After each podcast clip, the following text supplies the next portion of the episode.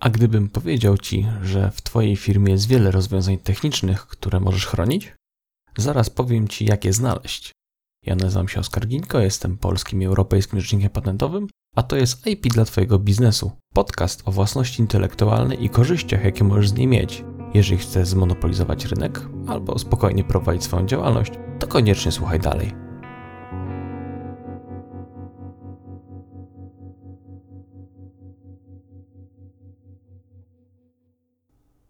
W dzisiejszym odcinku zastanowimy się, czym jest wynalazek, jak go zdefiniować i najważniejsze, czy dokładna definicja jest nam w ogóle potrzebna, żeby się nimi zajmować.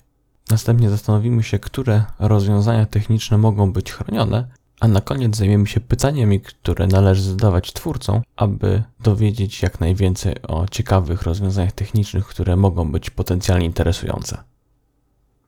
Jako młody inżynier miałem gdzieś z tyłu głowy wyobrażenie, że wynalazek to jest takie rozwiązanie, które jest wiekopomnym, niepowtarzalnym osiągnięciem, które na trwałe zmieniło historię, jest y, podwaliną wręcz dziedziny techniki i żeby samodzielnie mieć jakiś patent, muszę wymyśleć coś, co będzie na równie imponującym poziomie. Wymyślę nowy rodzaj napędów do samolotów, wymyślę sposób podróżowania między gwiazdami, lek na raka.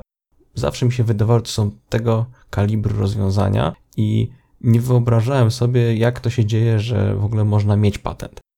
Tymczasem rzeczywistość jest zgoła inna i jak w tym odcinku się przekonasz, to nie muszą być aż tak imponujące osiągnięcia. Oczywiście te osiągnięcia są jak najbardziej patentowalne, natomiast mogą być to też dużo mniejsze, drobniejsze i bardziej przyziemne sprawy, którymi wynalazcy się zajmują, a które też są warte chronienia.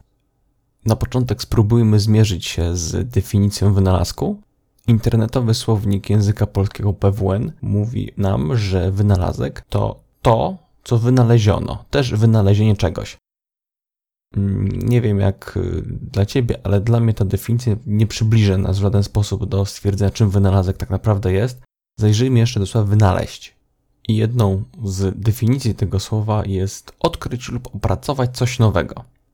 Myślę, że zgodzisz się ze mną, że w tym momencie słownik języka polskiego nie przybliżył nas specjalnie do stwierdzenia, czym wynalazki są i jak, jak to rozwiązanie w ogóle zdefiniować. Sprawdźmy zatem, co w naukach prawnych mówi się na temat wynalazków, czy znajdziemy tutaj jakieś definicje, które przybliżą nas do istoty tego, czym wynalazki są. Jedną z definicji, które możemy znaleźć, jest to stwierdzenie, że wynalazek to twórcze i zupełne rozwiązanie określonego zagadnienia, tudzież problemu technicznego. Inną definicją jest stwierdzenie, że wynalazkiem jest informacja dotycząca zaplanowanego działania przy wykorzystaniu dających się opanować sił przyrody w celu bezpośredniego spowodowania dającego się przewidzieć skutku. Myślę, że w świetle zwłaszcza tej drugiej definicji widać, że wynalazkiem jest coś innego niż odkrycie w rozumieniu naukowego odkrycia, tylko jest to bardziej zastosowanie tego odkrycia naukowego czy innych sił przyrody, żeby przezwyciężyć jakiś problem techniczny. Możemy też powiedzieć, że wynalazkiem nie jest pewna abstrakcja myślowa, tylko musi być to konkretne rozwiązanie, które do czegoś służy, jakiś problem rozwiązuje. Należy jednak zaznaczyć, że nie ma powszechnie akceptowanej definicji wynalazku i trudno jest to pojęcie dokładnie zdefiniować. Natomiast musimy zastanowić się, czy w ogóle ogólna definicja wynalazku ma dla nas sens i czy jest potrzebna. Z punktu widzenia ochrony patentowej interesujące są dla nas tak naprawdę patentowalne rozwiązania, zaś wszystkie pozostałe rozwiązania, które patentowalne nie są, mogą być dla nas istotne, o ile mogą być chronione w inny sposób lub są w jakikolwiek inny sposób opisane. Przykładowo takie rozwiązanie może być projektem racjonalizatorskim w myśl regulaminu pracodawcy, może być też chronione w inny sposób poprzez prawo ochronne na wzór użytkowy, czy jako wzór przemysłowy, albo też może być chronione na podstawie innych aktów prawnych i może być to po prostu utwór chroniony na podstawie prawa autorskiego. Jednak niezależnie od tego, o którym przypadku mówimy, w takim wariancie trudno jest doszukiwać się sensowności mówienia o wynalazku, skoro cechy tego rozwiązania opisane są inną definicją i chronione będą w inny sposób niż poprzez patenty. Na nasze potrzeby najprościej jest zatem mówić o wynalazku patentowalnym, a nie o wynalazkach w ogólności. W końcu to wynalazki patentowalne są dla nas najbardziej istotne, bo je możemy poprzez patenty chronić. A zatem na jakie rozwiązania udziela się patenty? Patenty są udzielane bez względu na dziedzinę techniki na wynalazki, które są nowe, cechują się poziomem wynalazczym i nadają się do przemysłowego stosowania. Nie uszło pewnie Twojej uwadze, że znowu pojawiło się słowo wynalazek. Problemu definicji wynalazku uniknęli Amerykanie, którzy wprost mówią, że patent może uzyskać ten, który wynalazł albo odkrył nowy i użyteczny proces, maszynę, sposób wytwarzania czy skład, albo nowe i użyteczne ulepszenie któregoś z wymienionych. A zatem jak możliwie prosto powiedzieć, co może być chronione patentem? Chronione może być każde rozwiązanie techniczne, które jest nowe, nieoczywiste i nadaje się do przemysłowego stosowania. Myślę, że taka definicja jest już mniej straszna, jednak warto jest jeszcze pomówić chwilę o poszczególnych warunkach, które zawarte są w tej definicji. Zacznijmy od nowości. Nowość w kontekście patentów jest określona jako nowość na całym świecie, czyli w żadnym innym kraju, gdziekolwiek takie rozwiązanie nie zostało już ujawnione, jeszcze kilka lat temu można było spotkać się w różnych krajach z sytuacją, gdzie nowość była określona nie w kontekście świata, ale w kontekście danego kraju. Jednak od takiego podejścia już się odchodzi i zgodnie z moją wiedzą nie ma już kraju, który w ten sposób ocenia nowość. Rozwiązanie będzie zatem nowe, jeżeli na całym świecie nie ujawniono rozwiązania, które ma dokładnie takie same cechy jeżeli rozwiązanie różni się czymś, chociaż najdrobniejszym szczegółem od rozwiązań znanych ze stanu techniki jest to rozwiązanie nowe. W stanie techniki znajduje się wszystko to, co zostało publicznie ujawnione i jest dostępne. Warto jest też powiedzieć, co to znaczy, że coś zostało ujawnione. Ujawnienie oznacza, że po zapoznaniu się z danym rozwiązaniem jesteśmy w stanie je odtworzyć. Zatem nie każde pokazanie publiczne czy powiedzenie o czymś będzie ujawnieniem. Jeżeli do mojego słuchacza będę mówić i opisywać swoje rozwiązanie bardzo dokładnie, jak ono działa i do czego służy, jednak w języku, którego on absolutnie nie rozumie, to w tym momencie trudno jest mówić o ujawnieniu, ponieważ ten człowiek no, nie będzie w stanie przekazać komukolwiek takiej informacji dalej.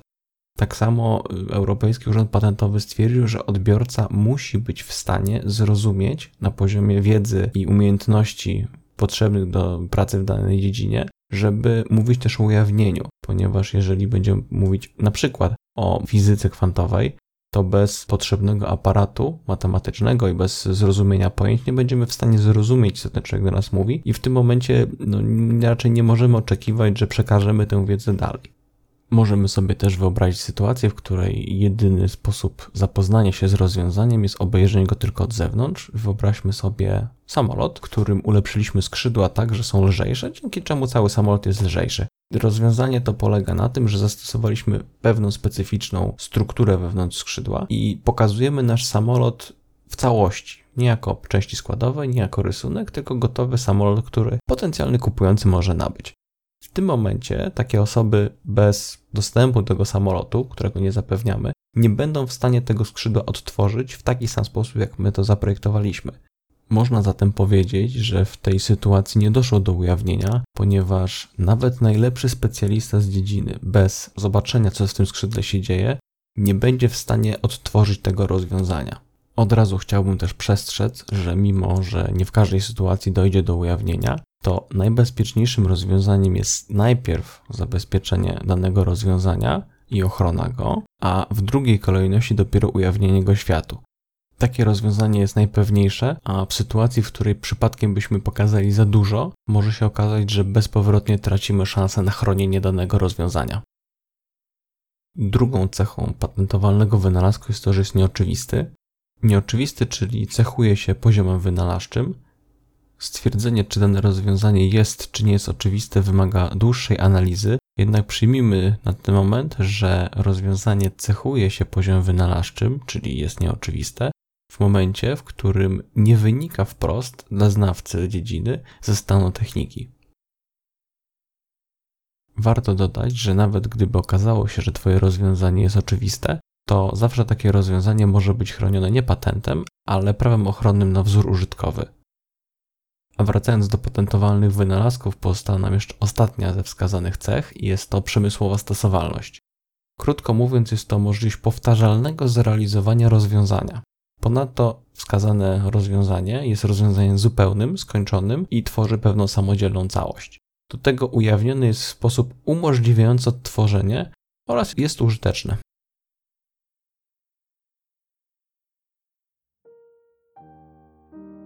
A teraz zapraszam do kącika kreatywnego, gdzie będziemy szukać inspiracji, przeglądając rozwiązania, na które zostały udzielone patenty. Pierwszy omawiany wynalazek został opublikowany jako PL239529B1 i jest to nalewak maszyny rozlewniczej do napełnienia butelek mlekiem. Celem wynalazku jest opracowanie konstrukcji nalewaka maszyny do nalewu mleka do butelki, która zapewni laminarny przepływ mleka do butelki, ograniczy pienienie mleka w trakcie nalewu oraz zapobiegnie kapaniu mleka z zamkniętego nalewaka. Celem wynalazku jest również zwiększenie wydajności maszyny rozlewniczej. Nalewak, o którym mówimy, zawiera rurowy korpus z jednej strony, zakończony końcówką przyłączeniową do zbiornika z mlekiem. Z drugiej zaś strony jest zakończony końcówką wypływu mleka do butelki. I ten wynalazek cechuje się tym, że rurowy korpus zaopatrzony jest w przepływomierz oraz zawór odcinający, a końcówka wypływu mleka do butelki zawiera kryzę wewnętrzną oraz zewnętrzną, pomiędzy którymi ustawione jest co najmniej jedno sitko, przy czym otwór kryzy zewnętrznej ma skośnie ściętą krawędź tak, że średnica otworu kryzy zwiększa się w kierunku wypływu mleka. Drugi wynalazek został opublikowany jako PL 239521B1 i jest to pierścień uszczelniający sprężarki i sprężarka. Celem wynalazku jest rozwiązanie problemu redukcji luzu pomiędzy wirnikiem a obudową możliwej do zastosowania w warunkach taniej seryjnej produkcji sprężarek. Wspomniany pierścień jest zamontowany między wirnikiem a obudową wirnika. Pierścień jest umieszczony na części promieniowej obudowy wirnika. Pierścień otacza na części promieniowej łopatki wirnika i, współpracując z łopatkami wirnika, jest przez nie wycierany, dopasowując swój kształt do wirnika. Koniec kącika kreatywnego. Myślę, że już wiesz, czym są wynalazki patentowalne, czyli są to rozwiązania techniczne, które są nowe, cechują się poziomem wynalazczym, a także nadają się do przemysłowej stosowalności. Jednak pojawia się bardzo ważne pytanie, o co pytać pracowników czy innych twórców, żeby uzyskać odpowiedź, czy jakiś wynalazek został zrealizowany, czy wpadli na jakiś pomysł, koncepcję, czy ma jakiś projekt, który nadaje się do ochrony patentowej. Tym moim zdaniem najważniejszym pytaniem jest pytanie, jaki problem techniczny ostatnio rozwiązałeś. W tym momencie inżynierowie, myślę, będą licytować się każdy ze sobą o to, jakie te problemy spotkali w trakcie pracy, jakie pokonali, jak bardzo kreatywnie podeszli do danego rozwiązania, i tym pytaniem uświadomisz im, że ich ostatnie działania być może przyczyniły się do powstania wynalazku. Kiedy już twórcy będą mieć świadomość tego, że być może stworzyli wynalazek, dobrze jest, żeby wypełnili coś, co po angielsku nazywa się invention disclosure, czyli można to przetłumaczyć jako ujawnienie wynalazku. Jest to dokument, który ujawnia wynalazek i myślę, że po odsłuchaniu tego odcinka do końca będziesz mógł bez problemu przygotować taki dokument na własne potrzeby dostosowany do swojej działalności. Najlepiej jest zacząć taki dokument od podania nazwy wynalazku. Nie musi być żadną nazwą wyszukaną, natomiast zamiast potoku słów łatwiej nam mówić o maszynie do sortowania, niż wnikać od razu w szczegóły. Dobrze jest też na samym początku wskazać twórców. Dobrze jest też zaznaczyć, jeżeli ci twórcy nie są pracownikami firmy, jeżeli ci twórcy pochodzą z różnych krajów, jak wspominałem w poprzednim odcinku, prawo do wynalazku może być przeniesione i w tym momencie potrzebujesz upewnić się, że to prawo rzeczywiście zostało na ciebie przeniesione, czy na twoją spółkę. Pytanie o narodowość jest również istotne, ponieważ niektóre kraje wymagają, że jeżeli twórcą jest obywatel danego państwa, to zgłoszenie powinno być dokonane w pierwszej kolejności w kraju pochodzenia danego obywatela, a dopiero później w innych częściach świata dobrze jest mieć świadomość takiej sytuacji zawczasu i uniknąć ewentualnych nieprzyjemności, które mogą wyjść w późniejszym czasie, jeżeli nie zorientujemy się, że mamy do czynienia z taką sytuacją. Warto jest też wskazać, że dane rozwiązanie jest powiązane z innym wynalazkiem, z już dokonanym zgłoszeniem, z już dokonanym patentem. Jest to informacja pomocnicza, która pozwoli nam całościowo spojrzeć na dane rozwiązania. Kolejnym ważnym pytaniem jest pytanie o to, czy dane rozwiązanie powstało w ramach jakiejś współpracy, w ramach umowy, czy są innego rodzaju kwestie formalne, które mogą być istotne w przypadku tego konkretnego rozwiązania, a zwłaszcza tego, kto jest właścicielem prawa do wynalazku. Bardzo ważnym pytaniem z perspektywy dalszego działania jest pytanie o to, czy dane rozwiązanie były już ujawnione, albo czy są plany na jego ujawnienie związane ze sprzedażą produktu, w którym jest dane rozwiązanie, może jakiejś konferencji, targów, pokazów. Jeżeli tak, to ważne jest pytanie, gdzie to będzie ujawnione, czy gdzie było ujawnione, komu, kiedy i pytanie, czy w tym momencie, jeżeli było to już ujawnione, to czy być może jakaś umowa o zachowaniu poufności była podpisana. Dodatkowo warto jest też spytać, czy być może inne działy firmy powinny być zaangażowane w proces opisywania danego rozwiązania oraz warto jest też spytać, czy dane rozwiązanie będzie w najbliższym czasie wdrażane w jakimś urządzeniu, czy usłudze, produkcie, czy nawet materiale, który będziesz chcieć sprzedawać. Jeżeli tak, to warto jest to wskazać. Tego typu informacje pozwolą lepiej zająć się danym rozwiązaniem i pozwolą stwierdzić, które z danych rozwiązań są priorytetowe, a które mogą poczekać. Następnie warto jest w skrócie, dosłownie w kilku zdaniach, napisać o tym, czym w zasadzie dane rozwiązanie jest i do czego ono służy. W tym momencie możemy przejść już do konkretnego, szczegółowego opisu danego rozwiązania, przy czym opis rozwiązania nie musi być wcale tekstem, może być to szkic, rysunek, schemat. Tak długo, jeżeli dane rozwiązanie jest przedstawione, ujawnione i wiadomo z tego, z całości tego opisu, czym dane rozwiązanie jest i jak je zrealizować, jest jak najbardziej ok. Wystarczy, żeby to były rysunki z krótkim komentarzem i w wielu sytuacjach takie ujawnienie, takie opisanie tego rozwiązania w zupełności wystarczy, żeby przekazać myśl, jaka szła za stworzeniem takiego rozwiązania. Dalej warto jest wskazać, jakie niekorzystne cechy czy problemy ze stanu techniki są rozwiązywane przez dane rozwiązanie. Takie stwierdzenie pozwoli określić cel danego rozwiązania, w szczególności osobom, które nie zajmowały się tym rozwiązaniu i tylko na podstawie tego dokumentu będą musiały stwierdzić, z czym mają do czynienia.